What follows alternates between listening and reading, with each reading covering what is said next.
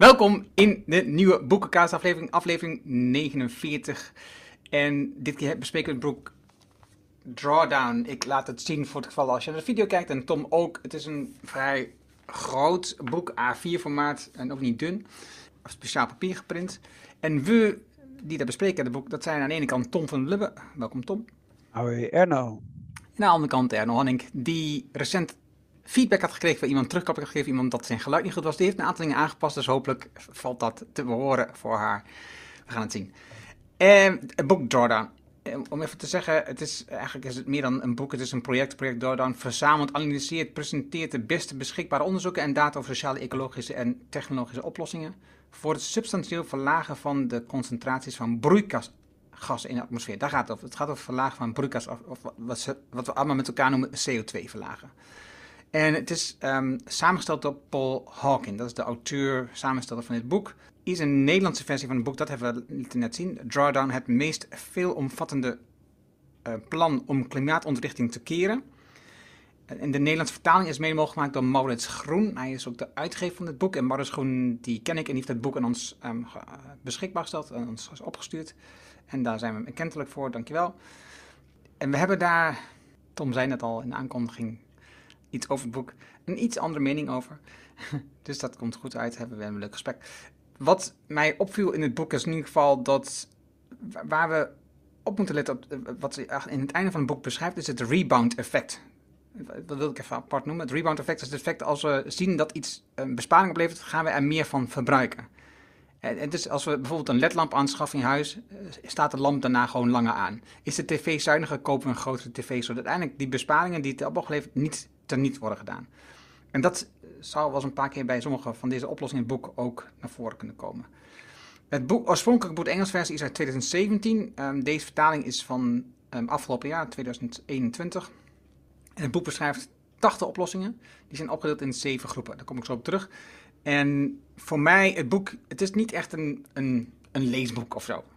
Het is een boek waar je in mijn optiek gewoon doorheen gaat en de elementen eruit pakt waarvan je denkt, hey, dit is interessant, laat ik hier eens in verdiepen. En toen ik meer ging lezen, werden ook steeds meer elementen steeds interessant. Van, ik had er nog nooit eh, zo over nagedacht op die manier. En ik vond daar interessante stukken in zitten en sommige dingen ook niet zo interessant. Wat was het in het kort voor jou, Tom? Ik wilde eerst nog een korte aanvulling doen, eh, omdat ik niet weet of iedereen Maurits Groen kent. Dus Maurits Groen is wel een van de grote mannen of mensen in Nederland op het gebied van de verduurzaming. En hij is op dit moment vooral in het nieuws met zijn kipster. Dus het is iemand die uh, met uh, hart voor de zaak. Uh, het is echt een van de pioniers op het gebied van purpose. En is daar eigenlijk al zijn hele leven mee bezig. Daarvoor heeft hij Wakka Wakka gedaan. En jij hebt dat, geloof ik, dat boek is overhandigd ook in een of andere grote event, meen ik me te herinneren. En het eerste wat ik eigenlijk wil zeggen daarover is dat eigenlijk een, het applaus waard is voor Maurits Schoen, omdat hij eigenlijk gewoon die verantwoordelijkheid neemt en zegt: Ik vind dat zo belangrijk dat deze bundel van onderzoeken, en dan gaan we dadelijk over de inhoud hebben, ben ik bereid daar uitgever voor te spelen.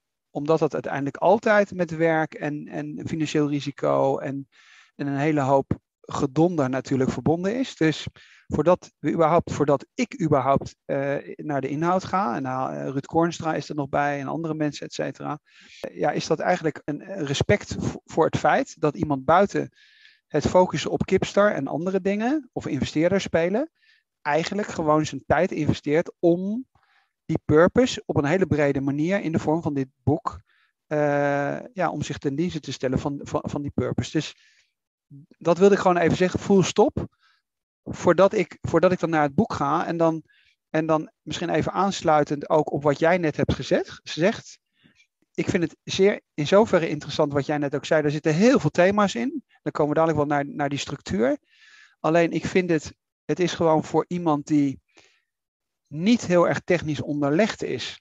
En bijvoorbeeld niet denkt in uh, gigatonnen CO2-reductie. Is het gewoon echt lastig te lezen. Het is niet iets dat je zegt van ik ga s'avonds op de bank zitten en ik lees even dit boekje weg. Het is een soort, nou, het, het formaat doet het eigenlijk al vermoeden. Het is een soort wetenschappelijk, ja, het is een wetenschappelijke bundel. Ik moest denken, ik had het, het gevoel dat ik bij het lezen had, was zo'n reader van de universiteit. Waar van die artikelen gebundeld worden waarvan je denkt van, jezus, hier, dit is echt zwaar werk om er doorheen te komen. En dat wilde ik eigenlijk aan het begin zeggen, zodat de mensen die een beetje verwachtingsmanagement eh, kweken. Dus als jij bijvoorbeeld ondernemer bent en je vindt het heel interessant om een gevoel te krijgen, wat is er eigenlijk allemaal aan verduurzaming op basis van die verschillende hoofdstukken en waar wil ik dan induiken? En dat, dat is op een gegeven moment heel erg specifiek. Een hoofdstuk alleen maar over ledverlichting of over uh, waterdistributie of over gebouwautomatisering en, dat soort dingen. Dan is het heel interessant omdat er heel veel business opportunities in zitten. Maar het is, het is echt even een ander boek dan wat we normaal gesproken uh, eigenlijk hier bespreken in de boekenpodcast. Klopt, 100%. En het, ik heb een technische opleiding gehad, dus, dus ik, voor mij snap ik dit. Ik snap ook wat je zegt. En ik vond het ook ingewikkeld om te lezen. Ik vond het ingewikkeld om erin te beginnen, omdat het gewoon niet een boek is waar je gewoon even een paar avonden gaat zitten lezen, omdat je het, omdat je het gewoon leuk vindt. Maar toen ik dieper ging graven, dacht ik, dit is wel echt wel, dit is wel weer een interessant onderwerp. Oh, dit is ook een interessant onderwerp. Met name in het, in het deel innovaties, eh, daar vond, ik de, daar vond ik de meest interessante onderwerpen vond ik daarin terug, waarvan ik dacht, oh, dit is gaaf als, we dat, als je dat kunt realiseren. Maar ook inzichten uh, die, die, waar ik nog nooit van had gehoord. Dus wat dat betreft, um, niet eenvoudig om te lezen, maar wel zeer informatief. Het, het, het is opgedeeld in zeven groepen. En de indeling um, is wat vreemd. ik moest eraan wennen, laat ik het zo zeggen. Want ik had in eerste instantie gedacht dat. Uh, want ik heb namelijk voor de podcast uh, die ik heb, de, Site for Impact podcast, heb ik een aantal van die mensen waarin Maurits Groen investeert of mee samenwerkt, heb ik opgenomen, heb ik een gesprek mee gehad. Waaronder uh, het bedrijf wat een hele innovatieve airconditioning, eigenlijk een soort koeling maakt. En dat is het grootste, de, de beste oplossing die het meeste oplevert in dit boek. Hij staat ergens verstopt. Dat is heel vreemd. Hij staat ergens in, in, in een onderdeel verstopt. Je kunt het bijna niet vinden. Terwijl die de meeste impact heeft wat betreft de reductie van CO2-uitstoot, voor duidelijkheid. Ja, en ik kom er zo meteen wel terug, maar dus de zeven blokken die er zijn is energie, voedsel, vrouwen en meisjes, gebouwen en steden, landgebruik, transport en materialen. En aansluitend zijn dan nog eens een overzicht met 20 innovaties opgenomen. En die projecten of innovatie, ja, die zijn nog zo vernieuwend. Dat is nog niet heel erg duidelijk wat dat dan aan CO2-reductie gaat opleveren. Dus die, die staan een beetje apart. Het bijzondere is, die groepen kun je ook wel eigenlijk koppelen aan een aantal van die SDG's. Hè, de, de Social Development Goals die er zijn. Die zie je daar eigenlijk, dus ik, lag, ik legde de link. Hè, voedsel, uh, uh, armoede, um, uh, eerlijk, een goede verdeling van, van, van de vrouwen, meisjes. Er komen heel veel dingen in terug. Die zie je allemaal, het materiaalgebruik kom je in terug. Dus het, het, sluit aan. Het enige wat me dan opvalt, de SDG's die zijn gebaseerd op 2030. Dat, dan, dat de SDG's moeten zijn aangepakt. En dit boek is opgesteld richting 2050. Dus dat, is, dat was wat me ook opviel, een stukje, als je die twee naast elkaar legt. En uh, bij de totaaloverzicht achter in het boek, ja, even gesproken over een soms een beetje een grappige indeling. Achter in het boek heb je een totaaloverzicht van alle oplossingen. En daar zie je ze op volgorde van het effect wat ze hebben op de CO2-reductie. En in de, in de, top 10 staan uh, verrassende dingen. De koelmiddelen staat nummer 1, wat ik net al zei. Maar nummer 2 staat landturbines op land. Op land. Dat is een van de meest grootste discussiepunten, in ieder geval in Nederland. Ja, nee, dat klopt. En um, voedselverspilling tegengaan staat op 3. Ja, dat zijn dingen die je niet 1, 2, 3 verwacht. Dat het zoveel effect heeft op. Nou, en dan komen we zo terug hoe het dan zit. Daarnaast heb je een plantrijk dieet, daar hebben we het al vaak over gehad, uh, ik met mensen over gehad. Onderwijs voor meisjes vond ik ook bijzonder in gezinsplanning en bosbewijding. Het zijn toch dingen die je niet gelijk terugverwacht in een top 10 over de reductie van CO2. Uh, eh, dus, en het grappige is wat ze dus hebben gedaan. Bij elke oplossing zie je dus, uh, of niet, bij de meeste oplossingen zie je staan allereerst de reductie in CO2. Dan zie je de netto kosten en de netto besparing wat betreft um, economisch gezien. dus dan zie je werkelijk de bedragen die het kost om dit te implementeren op dat niveau. En wat het economisch gezien oplevert. Dus niet de CO2-druk, maar wat het economisch gezien oplevert. En um, niet bij elke oplossing staan die getallen, met name die eurogetallen. Want het is soms heel ingewikkeld om uit te rekenen. En soms um, is het ook al meegenomen in een ander aspect. En ze willen geen dingen dubbel rekenen, want dan uh, reken je jezelf rijk. Dus dan wordt dat ook niet genoemd. En soms zitten ook dingetjes bij die uh, misschien wel een positieve uh, bijdrage opleveren, maar die in de markt, in het sentiment, niet echt goed ligt. Bij, bij bijvoorbeeld Ehm, de kerncentrale heeft het ook bijgeschreven. Maar biomassa op dit moment ligt ook niet echt lekker. Nou, we, we hebben ons vorige boek wat we besproken hebben, dat ging over blauwe fabel. Nou, de luchtvaart wordt er ook in beschreven. Nou, dat is ook iets wat eigenlijk niet zo lekker ligt op dit moment. Maar goed, wat, uh, wat wil jij eigenlijk zeggen over het eerste blok energie? Ja, ik vond het inderdaad wat jij net aansprak, is uh, dat hoofdstuk over kernenergie, bladzijde 18. Uh, eh, vond ik interessant. nou is dat natuurlijk een discussie die al een tijd gevoerd wordt uiteindelijk is de conclusie wel van, jongens, juist omdat we niet precies weten wat we nou dan met het afval moeten doen. Hmm, ik weet niet of het een goed plan is. En dan wordt eigenlijk voetnoot van de redacteur, vond ik op zich wel interessant. Dan staat er van, ja, bij alle andere dingen is het, ik zal maar zeggen, ze noemen dat hier dan, gaat het over no-regret oplossingen. Dus ze zeggen van, nou, dit is een oplossing waar je spijt van zou kunnen hebben omdat er een bepaald risico aan zit wat eigenlijk niet calculeerbaar is. En dan, en dan zeggen ze, en dat vond ik op zich wel interessant. Dan zeggen ze van oké, nou de no regret oplossing, dat geldt niet voor kernenergie, dat is een regret oplossing. Nou, ik vond, die, ik vond die, die, die definitie van no regret en regret oplossing wel interessant. En dan staat er ja, en die spijt was er al. En wat doen ze dan? In het geval van Tsjernobyl. En dan komt een hele opsomming van, van, van kernrampen. Three Mile Islands, Rocky Flats, de meeste ken ik helemaal niet, Brown Ferry, bla bla bla. En dan is in Fukushima staat ertussen en zo. Dan denk ik, oh, dat zijn dus gewoon alle kernrampen die er ooit zijn geweest. Dus ik, maar ik, ik, ik, vind het, ik vind het interessant dat ze het hebben opgenomen. Dus wel omwille, omwille van de discussie, maar ze hebben natuurlijk wel meteen er een uh, mening over. Uh, en wat interessant is, is dat ze bijvoorbeeld zeggen van ja, enerzijds schaft Duitsland dus de kerncentrales allemaal af. En in China worden er gewoon nog een hele hoop gebouwd. Nou, dat kennen we in principe ook uh, uit de pers. Dus ja, dat vond ik in, die eerste, in dat eerste hoofdstuk eigenlijk wel ja, interessant. Ook dat ze het hadden opgenomen. Ik had het even niet verwacht. Ja, ja, en wat mij opviel uh, is ook die windturbines op land. Uh, daar is toch telkens vrij veel weerstand vanuit het publiek, vanuit de consument, de burger voor. En, en, en krijgt toch meer aandacht um, en staat hoger op die lijst dan windturbines op zee. En, um, en, en het, ook bijvoorbeeld als je dan over no regret uh, hebt, dan er zitten ook best wel veel aspecten aan, aan die windturbines, die we ook nog niet zo goed weten hoe om het gaan. Een beetje vergelijkbaar met de kerncentrales. Maar dat wordt eigenlijk niet zo gesproken. En die biomassa, ook daar wordt over gesproken. En daar wordt ook genoemd, uh, allerlei voorwaarden aangesteld, is wat je dan moet doen om ervoor te zorgen dat de biomassa eigenlijk geen negatief effect krijgt. Want uh, ze geven dan een voorbeeld van een biomassacentrale in Duitsland, maar in Nederland hebben we het ook. Wij halen pulp uit, geloof ik, Zweden of zo om die biomassa-centrale aan te stoken. En, en uiteindelijk, als we, dat, als we dat aan het doen zijn, heeft het geen zin meer. Dan, is het gewoon, dan heeft het een negatief effect. En dat is wel wat er op dit moment gebeurt met zo'n biomassa. en zij noemen het ook een soort tussenoplossing. Hè? Want we, we, gaan straks naar al die andere energievormen. En, en dit moet een soort tussenoplossing zijn. Maar als we het zo doen, zoals wij nu bezig zijn, heeft het eigenlijk een negatief effect. En dus is het niet zinvol. Maar dat is bijvoorbeeld bij die windturbines. Nou ken ik toevallig mensen die zich met windturbines bezighouden. En die zeggen van ja, als je een holistische berekening maakt en kijkt hoe lang die, uh, die windturbines meegaan en wat aan energie opgewekt moet worden om die dingen te produceren en, en hoeveel, hoeveel van die vleugels van die, van die windturbines elk jaar uh, op de afvalhoop belanden en je, en je rekent dat serieus door, dan is die balans ook helemaal niet zo goed. Misschien ook nog even toch een aanvulling, ook voor wie is dit boek? Ik denk zeker dat mensen die technisch onderlegd zijn of een technische achtergrond hebben. Dus ik zat, ik zat te denken van nou, voor wie is dat nou interessant?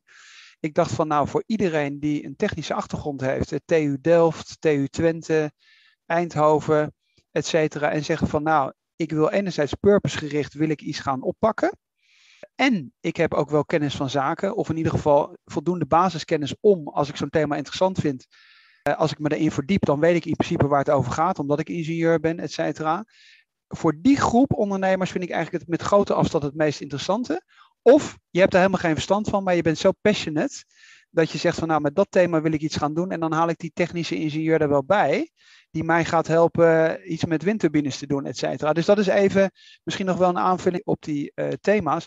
Nou ben ik nog ingenieur en nog zit ik in een technische start-up, wel met een purpose. Dus ik zit wat betreft als ondernemer had ik het gevoel dat ik hier best wel ver van verwijderd is, ben, omdat dat best wel heel erg in het detail steeds gaat hoe dingen functioneren. Ja, en ik heb toevallig voor de podcast gesproken met dus die, mannen van Dutch Climate Systems, die dus die airconditioning maken die op, basis van uh, van met, met, met water functioneert. Dus de gassen zitten al niet meer in. En het zorgt voor um, uh, circulatie. En dus bijvoorbeeld op dit moment met COVID uh, is, dat, is dat ook gewoon een fantastische oplossing. En aan de andere kant um, heb ik gesproken met mensen van Solarge, een van de medeoprichters. Solarge die maken um, recyclebare zonnepanelen. En dus de, de, de zonnepanelen die bestaan uit zonnecellen en het omhulsel waar die zonnecellen in zitten. En het omhulsel is gemaakt van gerecycled plastic. En ze kunnen ook um, 20 keer gerecycled worden. En hetzelfde geldt een beetje voor die airco's van Dutch Diamond Systems. Ook die zijn circulair. Dus uh, zij denken niet alleen na over een systeem wat ervoor zorgt dat je nu CO2 wegneemt of het gassen niet in de, in de, in de atmosfeer brengt. Maar zij denken ook na over hoe dit dan zo gemaakt kan worden dat de impact op het milieu ook op de lange termijn niet zo is. En dat zie je bijvoorbeeld, net beschrijven, met zo'n windturbine of met, met, uh, met um, die kerncentraal, zie je anders. Dan kijk je naar de energiebelasting van dit moment. En je bent eigenlijk niet zo bezig met wat, het op, wat, wat de kosten zijn in de toekomst. Tenminste, ik, ik, ik zie dat niet zo terug in deze stukjes, in deze oplossing in ieder geval. Misschien nog één korte opmerking over dat hoofdstuk, wat ik wel weer leuk vond. Ik ben uh, ik heb onder andere geschiedenis gestudeerd en dan zie ik uh, ineens een heel vreemd hoofdstukje. Het is over Alexander van Humboldt, ja, of een essay. Ik heb, uh, nou ja, de belangrijkste universiteit in Berlijn heet Humboldt Universiteit. En dan staat daar dus weer in, hoewel hij vandaag de dag niet heel bekend is. Nou, dat, is dus, dat geldt wellicht voor Nederland, maar dat is dus gewoon niet zo. De man is een van de belangrijkste wetenschappers ooit. de belangrijkste universiteit in Berlijn is naar hem genoemd. En wat ik ook weer interessant vind, is dat, dat die laatste alinea van dat hoofdstuk gaat erom dat hij reis door Rusland maakt. En eigenlijk al de connectie maakt tussen ontbossing en energieverbruik. En zegt van ja, jongens, eh, we moeten gewoon minder gebruiken. En dat vond ik op zich ook wel weer aardig in dat hele boek. Omdat dat hele boek eigenlijk gebaseerd is op technische oplossingen. En dat hoofdstukje over Van Humboldt is eigenlijk gewoon, je moet gewoon minder gebruiken. Of je moet daar heel erg bedachtzaam mee omgaan. Maar ik denk van ja, waar, waar, komt dit hoofdstukje nou ineens vandaan? En dat doen ze verder in het boek, uh, bij innovaties ook, waar ineens een, een boekje uit de uh, pauselijke encycliek in zit. Dat vond ik dan ook wel weer heel erg sympathiek en heel erg leuk. En het, uh, bijzondere, dus dat, die, wat je net zei van Humboldt, dus, dus in 1800 heeft hij het voor de eerste keer gezegd, in 1830 heeft hij, het, 30 heeft hij het nog een keer gezegd. En dus zo lang weten we al eigenlijk dat de mens invloed heeft op het milieu. We hebben sinds um, het verdrag van Rome, um, daarna alle andere verdragen die zijn gemaakt, hebben we eigenlijk geen enkele voortgang geboekt. We groeien nog steeds veel te hard. We verbruiken steeds meer energie. We hebben steeds meer afval. Dus wat dat betreft weet ik niet of het um, de goede kant op gaat. Denk ik uh, dat we nog steeds een heleboel te leren als mensen. Oké, het voedselblok. En het voedselblok zie je dus alle manieren om voedsel op een andere manier te produceren. Um, maar nummer 1 in dit blok is dus, want dat was nummer, uh, nummer 4 in, in de top 10 volgens mij, is het plantenrijk dieet. Uh, dat heeft enorm veel impact. Ze hebben het ook over het eiwit en alles die, die, waarvan we zeggen, die halen alleen het vlees. Dan kunnen we heel veel dingen uit de, uit de plant halen. Uit, uh, nou, weten we allemaal hoe dat zit. En het is een ingewikkeld onderwerp in Nederland. Want we hebben natuurlijk heel veel boeren hier die vlees, tussen quotes, produceren. Um, voor de export. En niet alleen vlees, maar ook zuivel, um, kaas. Dus, dus dit is een onderwerp waar we eigenlijk in de wereld heel veel aandacht voor hebben. Maar in Nederland is het, is het een heel gevoelig onderwerp. Tegelijkertijd hebben we ook, want dat onderwerp komt ook aan boord, is ook heel belangrijk in de top 10, hebben we te maken met boeren die dus groentes um, kweken en naar winkels brengen. Maar een heel groot deel van die groenten komen helemaal niet in de winkel, omdat ze er niet goed genoeg uitzien voor de consument, wordt voor ons bepaald. En dat wordt gewoon weggegooid. En ook dat weggooien zorgt dus voor heel veel gassen in de atmosfeer, omdat het namelijk op de verkeerde plek uitkomt. En dan zou je composteren, zou een oplossing kunnen zijn bijvoorbeeld, en dat is veel beter. Maar dat doen we niet. En dus dit zijn elementen die heel gevoelig liggen in de maatschappij. De boeren krijgen eigenlijk veel te weinig geld voor het werk wat ze doen. En we gooien gewoon een heel groot deel van wat zij doen ook nog weg, ook nog. Dat is toch vreemd dat, je, dat we dat als maatschappij met elkaar zo organiseren? Ja, wat ik wel interessant vind is om toch weer die link te maken ook naar de ondernemers. Omdat het in dat hoofdstukje ook even wordt genoemd. Beyond Meat. Uh, vegetarische slagen kennen we natuurlijk in Nederland. Maar je hebt ook uh, Too Good To Go. Die grote start-up. Uh, dus eigenlijk allemaal wat tegen voedselverspilling is. Dus daar zie je ook wel weer de link naar wat betekent het eigenlijk voor business opportuniteiten. Om daar aandacht aan te besteden. Dat, is, dat, dat zit er wel elke keer in. En is eigenlijk ook echt wel een kans als je zegt van nou, ik, ik, ik duik in dat boek, omdat je dus eigenlijk uit elk hoofdstuk kun je eigenlijk weer opportuniteiten definiëren. Of bijvoorbeeld als je insecten gaat kweken, omdat je zegt van ja, nee, die kunnen, dat is een, eigenlijk een heel, een heel goed alternatief als voeding. Alleen ja, daar moeten we nog een beetje aan wennen, want we zien ons nog geen insectenburger eten, zou ik maar zeggen. Uh, maar het zou wel heel efficiënt zijn. Of zeewier, of er zijn heel veel dingen. Denk bijvoorbeeld aan Cradle, uh, cradle to Cradle. Er zijn ook heel veel van dat soort, van dat soort voorbeelden. Het is op zich wel um, interessant, die combinatie van enerzijds wetenschappelijk, dat we eigenlijk bijvoorbeeld veel te veel eten. Veel meer dan, dan eigenlijk zinvol is. Hè. Daarom krijg je ook diabetes, et cetera. en anderzijds dan ook wel weer voorbeelden van bedrijven waar je eigenlijk zou kunnen zeggen van ja, dat is dus een business opportuniteit. Ga maar gewoon vegetarische slagers spelen. Ik zag toevallig vandaag dat er uh, zo'n bedrijf wat insecten in Nederland kweekt, levert, hoe je het noemen wilt. Die hebben een gigantische investering gekregen eh, op dat gebied. Dus uh, ik weet niet meer hoe het heet zo snel, maar dat is, de, je ziet daar toch een beweging in ontstaan. Ja, zit op Berg en Berg op Zoom hebben ze een, ik weet niet precies hoe dat heet, een boerderij zou ik maar zeggen. Maar, ja, dit is een fabriek. Ja, ja, het zag uit als een fabriek, in ieder geval op de, op de foto. Het volgende onderdeel, dat gaat over... ah, wacht even. In het stuk over dat had ik ook nog opgeschreven voor mezelf. Een stuk over dat voedsel, uh, maar dat zie je ook op meerdere onderdelen in het boek. Je ziet ook het verschil tussen het rijke Westen en de landen op het zuidelijk halfrond terugkomen. En we, er worden voorbeelden genoemd die vooral voor het zuidelijk halfrond zijn. En we, we, duwen die mensen naar iets wat ze zouden moeten doen, wat goed is voor het milieu, eens, klopt. En tegelijkertijd um, hebben ze een tiende van de uitstoot van wat we hier in het Westen hebben. En dus wie zijn wij om tegen hun te zeggen dat je meer moet besparen op sommige dingen die je aan het doen bent? wij gooien voedsel weg, wat voor vergassing en dus gas in de atmosfeer zorgt, om maar wat te noemen. En dus dat is vreemd. Hè? Dus de, de, eigenaardig, want bijvoorbeeld in het boek wordt ook de koekstoof genoemd. Als een middel om ervoor te zorgen dat je beter kunt koken en minder vervuilend kookt. In plaats van op houtskool in, in hutjes. Het is aan de ene kant veilig. Dat is, in ieder geval, dat is in ieder geval fijn dat je mensen veilig laat koken als je dan denkt aan de uitstoot, heeft het ook niet zo heel veel, een heel grote uh, hoge plek op de lijst. Of verbeterde rijstteelt bijvoorbeeld. Ik denk, waarom de rijstteelt, we moeten hier de boeren in, in het westen veranderen. Als je kijkt naar het verbruik van, van soja, wat op het zuidelijk halfrond wordt gekweekt, of palmolie, wat we daar kweken en hier, naar hier halen, en de winst ook naar hier halen, en daar die mensen in armoede laten. Dat, dat wordt hier eigenlijk nauwelijks benoemd. Maar ze worden wel genoemd als een oplossing om de CO2-uitstoot te verminderen. Dat, dat voor mij was het een beetje bijzonder. In het onderdeel van, jij had het net over die essay, in het onderdeel van de voedsel um, staat ook een interessant essay, vond ik dan weer super interessant. Was die verbinding uh, tussen die planten onderling. Uh, via wortels en schimmels en ik vond het fantastisch. Een soort, een soort superbrein, zeg maar, onder de aarde. Hoe die planten met elkaar verbonden zijn. Echt ongelooflijk. Super om te lezen.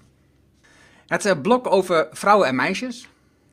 Uh, dat, is, dat is super kort. Er staan maar, twee, maar drie oplossingen in. Maar, hebben een enorme impact. Met name de, de tweede en de derde in dat blokje. Uh, het gaat over dat je. in het eerste hebben ze het over dat je vrouwen meer recht geeft. Als boer bijvoorbeeld. Dat ze spullen kunnen kopen en recht hebben op land en dat soort dingen allemaal. maar veel belangrijker daarna is het, um, de gezinsplanning. Want als het mensenaantal op de, de, planeet groeit, dan heeft dat een enorm effect op de CO2-uitstoot. Zo, wat is per natie. En in hele grote gebieden van de wereld is er dus weinig gezinsplanning. Maar als we ervoor zorgen dat die arme delen van de wereld juist meer welzijn krijgen, als ze daar aan zouden werken, dan komt die gezinsplanning eigenlijk vanzelf wel, want dan hebben ze namelijk minder kinderen. En het andere deel is um, onderwijs aan meisjes en daarmee ook informatie over voorbeelden bijvoorbeeld. Dat, was het, dat is ook een, het is enorm goed op dat gebied. Want je ziet steeds vaker terug in dat vrouwen een enorme impact hebben op de wereld. Hoe de, hoe, de, hoe de handel draait, hoe ze met geld omgaan, hoe ze met de maatschappij omgaan, hoe ze met de planeet omgaan. Dat is veel anders dan, dan mannen. En dus, grappig genoeg, een kort hoofdstuk, maar volgens mij een, een superbelangrijk hoofdstuk ook. Ja, je hebt ook die, uh, natuurlijk die prognoses met betrekking tot de bevolkingsgroei. Dat Afrika nog steeds groeit en de rest eigenlijk alweer aan het dalen is en voor een heel groot gedeelte is over, of tenminste is, is de hoeveelheid mensen die we uh, op de wereld hebben. Als dat nou weer zou afnemen, of in ieder geval niet verder zou stijgen, dat zou in ieder geval een beetje helpen. Want nu is het vaak een beetje dweilen met de kraan open. als die bevolking maar blijft groeien, uh, dan kun je wel besparen. Alleen het zou gewoon fijn zijn als die bevolking zou stabiliseren. En, dat is, uh, ja, en daar is natuurlijk onderwijs en, en, een hele belangrijke factor in. En welzijn. Ja, welzijn. Dus, uh, dus ja, dat weten we inmiddels. Uh, uh, bij, bij emancipatie gaan op een gegeven moment de geboortegetallen naar beneden en dan krimpt de boel weer. Alleen dat betekent ook wel weer dat die mindset moet zijn dat krimpen goed is en niet slecht. En daar zitten we nog wel erg ver van verwijderd. Maar goed, dat is weer thema voor, andere, voor een andere aflevering. maar dat is in principe wat hier eigenlijk, eigenlijk op de achtergrond ook een, een, een, belangrijke rol speelt. Dan heb je het blok over gebouwen en steden. Een leuk blok. Veel meer vond ik, vond ik er niet van. De CO2-reductie valt vaak mee, wat daar wordt genoemd. Maar wat mij, op wat mij dan opvalt, en, en dat ja, dat zie je dan niet zo terug in het boek, is dat het wel voor een hele leefbare wereld zorgt. En voor een veel mooiere wereld zorgt. Als je bijvoorbeeld zorgt voor steden waar mensen kunnen wandelen en fietsen, waar voor, voor meer groen in zit. Het is, en de CO2-reductie draagt het niet zoveel bij. Maar wel in een wereld waarin we veel prettiger met elkaar kunnen samenleven, waardoor er minder stress is. Dus, en, en dat wordt in dit boek niet zo genoemd. Meer had ik er niet over, over dit blok. Ja, wat natuurlijk voor de Nederlanders leuk is, dat een apart hoofdstukje over fietsinfrastructuur is. Uh, waar je natuurlijk inmiddels ook ziet dat uh, eigenlijk wel over de hele wereld dat thema fietsen opgepakt wordt. En voor een gedeelte zelfs voortvarender dan, uh, dan je het zou hebben verwacht. Dus neem Parijs en Barcelona als voorbeelden. Dus dat vond ik op zich ook nog wel aardig. Maar ook daar weer de link naar ondernemerschap. Kijk maar naar Van Moof en anderen en, en de bakfietsen en weet ik wat allemaal elke keer zijn er ook opportuniteiten. Dus als we natuurlijk als ondernemer weten dat op lange termijn die steden gaan transformeren naar meer, naar meer infrastructuur voor fietsen. Uh, en we tegelijkertijd weten dat, dat er steeds meer elektro-mogelijkheden zijn, elektrobikes. Ja, dan is dat een business opportuniteit. En Vermogen heeft dat goed gezien. En is daar net als vele andere fietsproducenten ingestapt. Ja, dat, dat is wel echt wel een innovatie die mij de afgelopen vijf jaar of zo verbaasd heeft. Dat, de, eh, dat de, de, de snelheid waarmee de elektrische fiets een intrede deed. En hoeveel meer omzet er daardoor in het fietsbranche is gekomen. Het is echt ongelooflijk. Die fiets is gewoon drie, vier keer zo duur als een normale fiets. En het is ongelooflijk dat al die mensen zo'n fiets hebben gekocht. Dus, dus in het begin was het natuurlijk vooral de oudjes die dan zichzelf niet zo oud vonden om zijn fiets, maar dan toch vonden dat het nog net wel kon. Dus het, lijkt een beetje op een hoorapparaat. Hè, dat je denkt van ja, ik, ik moet er eigenlijk aan, maar ja, het vindt ook niet goed. Maar nu zie je gewoon, uh, ik, in mijn gebied, als ik zie, daar heb je gewoon jongeren, omdat die dus verder weg wonen van hun school, die hebben een elektrische fiets en die gaan met de fiets naar school allemaal. Omdat ze dan wel met de fiets naar school gaan. En dus het heeft beslist een bijdrage aan de CO2-reductie, maar ook in bewustwording, ook in beweging. Dus uh, ja, ik, ik ben daar echt enorm door verrast. Oké, het uh, blok over landbouw, sorry, over landgebruik heeft bijzondere oplossingen ik denk ook, dat was dingen waar ik me niet mee bezighoud, maar over het, het, het veengebied. Ehm, waar het gebruik van water, het stoppen, deze vond ik dan wel heel logisch, het stoppen met afbreken van tropische bossen, voor palmolieplantages of weidegrond voor vee en soja. Dat snap ik dan wel, maar het veengebied, het water wat, zodat de koolstof niet uit de grond komt. Een andere oplossing die ik ook heb gesproken in de podcast is Fibers, die werkt met olifantsgras, dat wordt ook in het boek genoemd namelijk olifantsgras wat je op heel veel verschillende manieren kunt gebruiken. Het groeit heel hard. En in Nederland die oplossing, die Fibers bedrijf, die eh, plaatst op braakliggende stukken grond. En dus dan maak je ook nog niet extra grond, zeg maar, ga, neem je op. Nee, je maakt gewoon uh, tijdelijke braakliggende stukken grond om die producten te maken. Dus uh, ik, ik vond het een verrassend um, uh, hoofdstuk voor een deel, omdat, je dingen, omdat ik dingen heb geleerd die, ja, die ik niet wist over planten en over het grondgebruik en over uh, bossen en ook bossen in dit gebied, dat we het veel meer nog kunnen ontwikkelen. Had je hier nog wat over? Ja, in de categorie een grappig hoofdstukje ertussen, wat je eigenlijk net al noemde, omdat het hier terugkeert, het verborgen leven van bomen. Dat zullen veel mensen ook wel gezien hebben. En daar wordt een stukje of een fragment overgenomen uit een boek wat ik overigens niet gelezen heb. The Hidden Life of Trees, What They Feel, How They Communicate Discoveries from a Secret World. Ik weet niet of het Pieter Wolleben is of Peter Wolleben. Uh, maar in ieder geval weer dat, dat, dat thema wat jij net het zei. Uh, het maakt het op zich wel sappiger door dit soort, door dit soort intermezzo. Ja. Dan hebben we het blok transport. Ja, daar wil ik wel wat over zeggen of wat over kwijt. Omdat ik moet eerlijk ik zeg, ik heb me over het, over het, over het hoofdstuk vliegtuigen gewoon echt openlijk geïrriteerd. En dat heeft daarmee te maken, en dat is, zit ook wel een beetje ook wel in de lijn van het hele boek. En dat is op dit moment ook een beetje de tijd waarin we leven. Dat een technische innovatie, en jij hebt dat eigenlijk al heel goed al uh, aangegeven. Een technische innovatie is de oplossing voor het probleem. En wat we eigenlijk tot nu toe de hele tijd in de geschiedenis gezien hebben, is dat we door technische innovaties dingen niet oplossen. Dus of het nou energieverbruik is in het algemeen, of het vliegen. Dat vliegtuig kan weliswaar 50% minder energie verbruiken. We hebben het in het boekje uh, over de KLM. Ik weet niet of de vorige podcast is geweest, hebben we het ook al gehad. Dus de vliegtuigen worden half zo, verbruiken half zoveel energie. Alleen als we dan vier keer meer vliegen, ja, dan, dan hebben we nog steeds niks opgelost. En wat mij stoorde aan het hoofdstuk over vliegen, is dat er nauwelijks gesproken wordt over belasting op kerosine. Uh, uh, gewoon verbieden, ik zou maar zeggen, onder een bepaald aantal kilometers, uh, dat het überhaupt kan. Dus wat men bijvoorbeeld in, in Frankrijk heeft gedaan, dat, dat ontbreekt allemaal. En dan gaat het over, over, weer over technische innovaties. En dan staat er zelfs een plaatje op, waar meteen ook weer de indruk is dat een nieuwe generatie vliegtuigen dat dat beter wordt. En Ties Joosten, die het boek over KLM geschreven heeft, zegt van het klopt gewoon niet.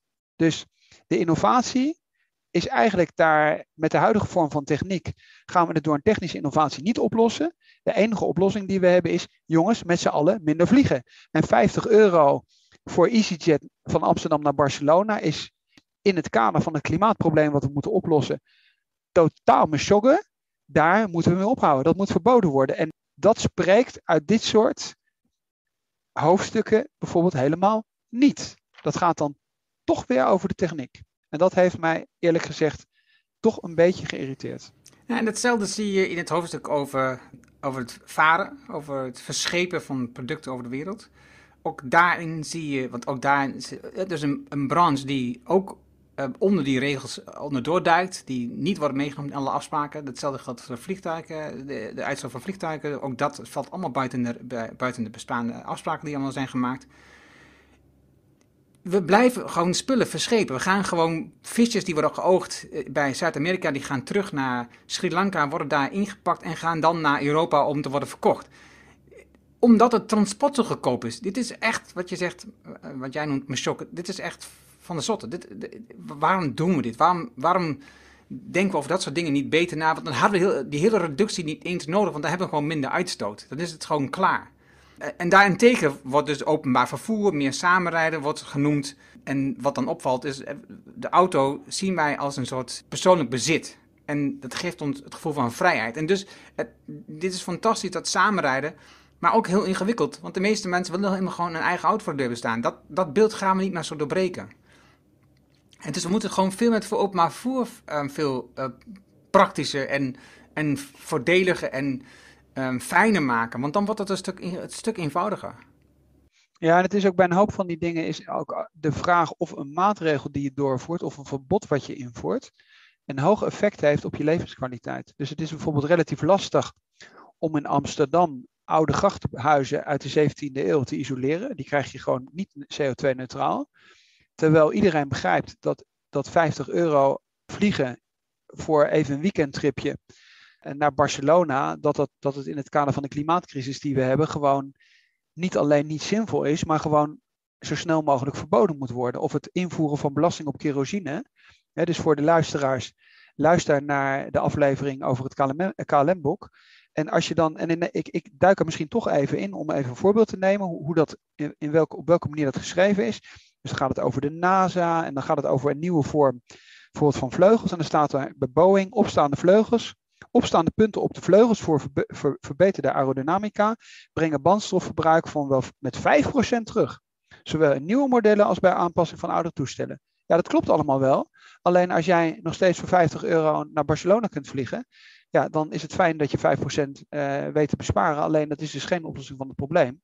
En als je gewoon kijkt wat we met z'n allen hebben gevlogen, of wat we aan allen nog steeds aan stijging aan energie hebben elk jaar. Het is niet zo dat we op dit moment consolideren en dat het niet stijgt. Nee, we hebben het er heel veel over, maar onder de streep wordt het probleem elk jaar groter en bijna onomkeerbaar. En dan vind ik, als het bijna onomkeerbaar is en je toch een aantal simpele dingen hebt waarvan iedereen, van e-, elk gezond mens begrijpt dat dat moet ophouden en dat je belasting op kerosine moet invoeren, dat dat niet had misstaan om in het hoofdstuk over vliegtuigen dat wel te noemen. Ja, we hadden het gisteren hadden we het over de SDG's, de, Sustainable Development Goals. En mijn conclusie die ik had was eigenlijk iets wat ik al eerder had, is, is gewoon dat ik, ik denk dat gemiddeld genomen bij de mensen gewoon de urgentie niet duidelijk is. Dat de urgentie er nog steeds niet in zit. Dat we eh, veel harder moeten lopen op dit gebied. Eh, en want de SDG's die zijn dus voor 2030 in plaats van 2050, waar dit boek op gebaseerd is. We moeten gewoon nog veel harder gaan waar nu gaan. Wat je zegt, hè, dus, de, dus ondanks alle, alle conferenties, alle afspraken die gemaakt zijn, neemt ons energieverbruik, onze afval, onze plundering van mijnen en grondstoffen nog steeds toe. En, dat kan gewoon niet meer. Dat is, dat, de, de, gedachte van less is more zit niet in het boek. Laat dat ervoor opstellen. Maar misschien ook om even iets heel praktisch te nemen, omdat er best wel wat voorbeelden zijn die ook op social media langskomen. Frankrijk heeft op een gegeven moment gezegd: je mag bijvoorbeeld voedsel niet vernietigen. Dus je kunt het of gewoon verkopen, dus dat is die, die. Je hebt in Nederland ook zo'n start-up gehad. En, en alles is genormeerd. En dan als een appel niet exact die doorsnee heeft, dan, uh, land allemaal, wordt allemaal doorgedraaid. En op een gegeven moment zeggen ze gewoon: nee, dat is niet zinvol, want we verliezen hè, voedselverspilling. Staat, helemaal, staat, staat in de top 10. En dan, dus kun je eigenlijk gewoon zeggen: oké, Frankrijk heeft dat bijvoorbeeld verboden. Oké, neem dat verbod gewoon over. Amazon, alles wat teruggestuurd wordt, wordt allemaal vernietigd. Maakt niet uit wat het is. Wasmachines, er zijn allemaal documentaires over gemaakt. Wat is, de, wat is de verantwoordelijkheid van de politiek? Gewoon te zeggen: beste vrienden, als jullie online de boel versturen en het komt terug, dan mag je het niet vernietigen. Dus dan kun je het of aan tweedehands zaken geven of wat dan ook, waar mensen de boel kunnen ophalen, die, uh, die minder te besteden hebben, et cetera. Alleen, er is een verbod op het vernietigen van dingen die in de online handel teruggestuurd worden. Het is niet zo dat dat heel erg moeilijk is. En ik denk dat bijvoorbeeld dit soort dingen, dus het verbieden van hè, dat laatste voorbeeld, dat 95% of 98% van de bevolking, in welk land dan ook, onmiddellijk zegt, ja, het is voor de, van de gekken dat als, een, als iets teruggestuurd wordt naar Amazon en Amazon niks beters te doen heeft dan de boel te vernietigen, dat kan niet de bedoeling zijn. Geef het dan aan de armen tussen aanhalingstekens. Dus meer van dit soort actionistische dingen, denk ik juist dat er een heel groot draagvlak in de bevolking voor is. Om over uh, het laatste blok te spreken, of tenminste het laatste blok uh, van die zeven, is het blok materialen. Ook hierin had ik weer opgeschreven voor mezelf, het gaat hier ook nauwelijks over minder spullen. Recycling krijgt hier aandacht. Geen circulatie, maar recycling. de cir circulaire ontwikkeling van producten staat er eigenlijk nauwelijks in. Cement kun je best eenvoudig veranderen om het schoner te maken. Dat is niet zo heel ingewikkeld. We doen het al sinds uh, de Romeinse tijd, dus het, is niet zo heel ingewikkeld. En toch, uh, nu, het cement wat we nu hebben, uh, of niet zoals nu wordt geproduceerd, kost belachelijk veel energie en is ook nog vervuilend. En, en wat ik al zei in het hoofdstuk, wat, wat ik al zei, wat een beetje verstopt lijkt, is die, wat, de meeste um, reductie oplevert, is dus die koelmiddelen. En dat staat dus in dit hoofdstuk over die materialen. Een beetje verstopt tussen cement en, en de recycling, zo, zie ik het dan. Het laatste blok over innovaties. Misschien wel even een korte aanvulling. Dat is namelijk heel waardevol dat je dat zegt, omdat eigenlijk recycling nou juist is wat we niet meer willen. We willen, we willen circulair zijn. Bijvoorbeeld bij, ook bij gebruik van materialen. Neem bijvoorbeeld even uh, bouwen. We weten dat we met hout net zo goed kunnen bouwen als met beton. Nou, waarom wordt het dan niet gedaan? Bespaarden mensen de discussie? Dat is eigenlijk waar we naartoe moeten. Dus dat, dat we geen afval meer produceren, of dat een afval automatisch altijd circulair weer opnieuw gebruikt kan worden. Dat is waar we naartoe willen. En wat ontbreekt in het boek behalve circulair? Dat hele idee van true pricing ontbreekt eigenlijk helemaal. Of het oude idee van Eckhart Winsen dat de grondstoffen juist belast moeten worden en de arbeid niet. Waardoor je dus een hele andere mix krijgt van, van hoe dingen geproduceerd worden. Het repareren wordt automatisch goedkoper als arbeid niet belast wordt, maar grondstoffen wel belast worden. Dat zijn de elementen, vind ik persoonlijk, die in dat boek ontbreken. Het zit heel erg op die technische innovatie. En juist die technische innovatie, weten we uit het verleden, dat technische innovatie er niet toe heeft geleid dat we minder gebruiken of de problemen hebben opgelost. Dus dat vond ik eerlijk gezegd ook bij dat, in dat hoofdstuk van die materialen best wel een beetje frustrerend. Ja, ik ook. In het blok innovaties um, vond ik een paar dingen super interessant. En die zijn in mijn optiek veel minder technologisch en daarom maken ze ze nog interessanter. En want je noemde het net al, het bouwen met hout. Ze hadden daar, het bouwen met hout er apart genoemd. Hebben een heel gaaf voorbeeld eh, waarbij eh, een, een, heel groot universiteitscomplex uh, wordt gebouwd met hout. Maar ook daar wordt wel circulair bouwen genoemd. Alle afval, alle materiaal die daar. En er zit, er zit een aparte richtlijn achter om dat te organiseren. En dat is een super gaaf hoofdstuk. Een andere oplossing waarvan ik ook dacht: hé, hey, dit is historisch gezien ook interessant over het, het, terugbrengen van de grazes uh, van, uh, op de steppes, uh, met name op boven onder de poolcirkel, zeg maar, onder het heel koude gebied, waardoor die grazes het, het, sneeuw, aan de kant drukken en het gras opzoeken en daardoor de grond afkoelen en dus dat de permafrost niet verder zeg maar ontdooit ik had er nog nooit over nagedacht. Dus dat, vond ik echt super gaaf ding om te lezen. Ook overigens het effect dat wij waarschijnlijk ervoor gezorgd hebben dat grote dieren in het verleden zijn overleden. Niet door een verandering van het klimaat, maar door het te doen van de mens. En die andere die ik interessant vond was dus dat je een permacultuur opbouwt in de, in de oceanen en in zeeën. Want ook daar met die stromingen en de, de dieren die inkomen, ook niet echt een hele grote technologische oplossing, maar wel super gaaf. Een ander wel technologische oplossing vond ik wel mooi, was die kunstmatige bladeren. Waarbij je dus energie opwekt vanuit een kunstmatig blad en ook zuurstof krijgt. Ik dacht, oh, hoe dan? Hoe ga je dat zo maken? Ik, ik, vond dat mooi om te lezen. Nee, ik, moet, ik zal zeggen, misschien nog even om dat te verduidelijken met wat ik met circulair bedoelde. Dus bij materialen wordt circulair als basisprincipe eigenlijk eh, nauwelijks ruimte. Dat staat dan onder innovatie. Terwijl eigenlijk materialen, wat mij betreft, cradle to cradle, zou eigenlijk gewoon dat hele hoofdstuk zou circulair moeten heten. En er is wel dat hoofdstukje over bouwen met hout. Maar ja, welk plaatje staat erbij? Dit dus. Nou, dat is dan juist wat mij betreft niet waar het om gaat. Dus als je bijvoorbeeld Phoenix-wijken bouwt, dan zou je, en dat is technisch ook helemaal niet zo moeilijk, je zou hem eigenlijk gewoon kunnen zeggen, laten we Phoenix-wijken uit oud bouwen. Dat kan. En dan zou de overheid bijvoorbeeld ook veel meer regulerend moeten optreden. Maar beton is lekker makkelijk, dus we bouwen gewoon braaf verder met beton. Dat is eigenlijk het punt wat ik, wat ik daarbij wilde maken. En dat is eigenlijk een beetje jammer. Ik ben het helemaal met je eens. Dit was uh, mijn dingetje wat ik over dit boek had, wat ik opgeschreven had voor mezelf. Had jij nog iets wat ik vergeten zijn, wat je nou wilde zeggen?